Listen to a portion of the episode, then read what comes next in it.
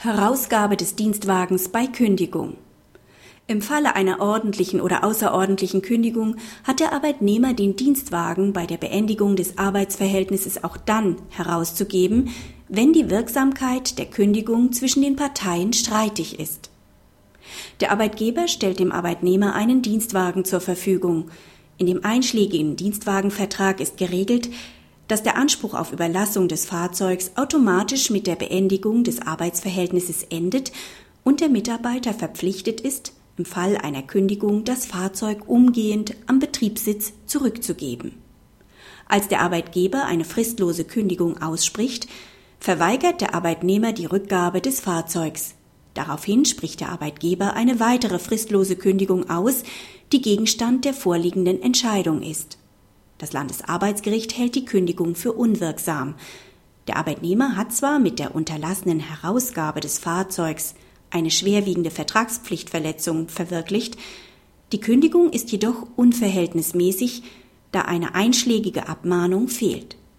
Grundsätzlich war der Arbeitnehmer verpflichtet, das Fahrzeug nach Ausspruch der ersten außerordentlichen Kündigung an den Arbeitgeber herauszugeben.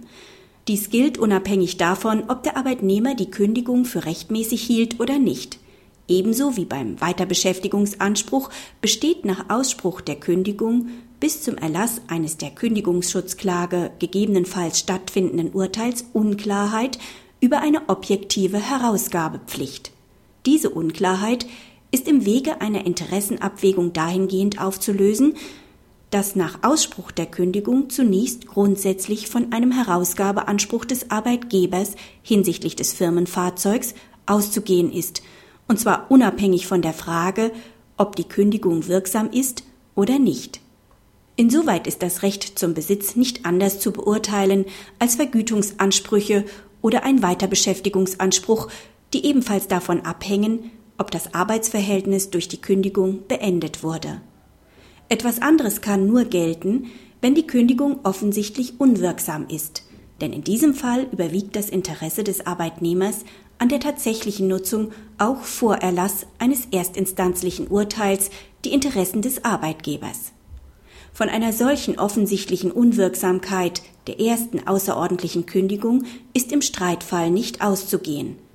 Gleichwohl ist die als Reaktion auf die Verweigerung der Herausgabe ausgesprochene zweite außerordentliche Kündigung unwirksam, da sie unter Berücksichtigung aller Umstände des Einzelfalls unverhältnismäßig ist.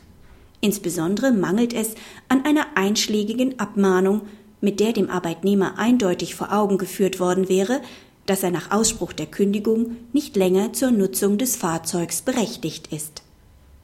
Praxishinweis die vorliegende Sichtweise setzt sich immer stärker bei den einzelnen Landesarbeitsgerichten durch. Eine Entscheidung des BAG zu der Thematik existiert bislang, soweit ersichtlich, nicht.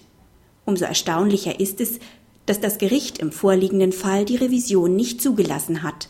Als Anwalt sollte man es tunlichst vermeiden, einem Arbeitnehmer den Rat zu geben, den Dienstwagen als Trotzreaktion auf eine Kündigung einfach zu behalten. Wie der vorliegende Fall zeigt, kann daraus leicht eine Steilvorlage für den Arbeitgeber zum Ausspruch einer weiteren Kündigung werden.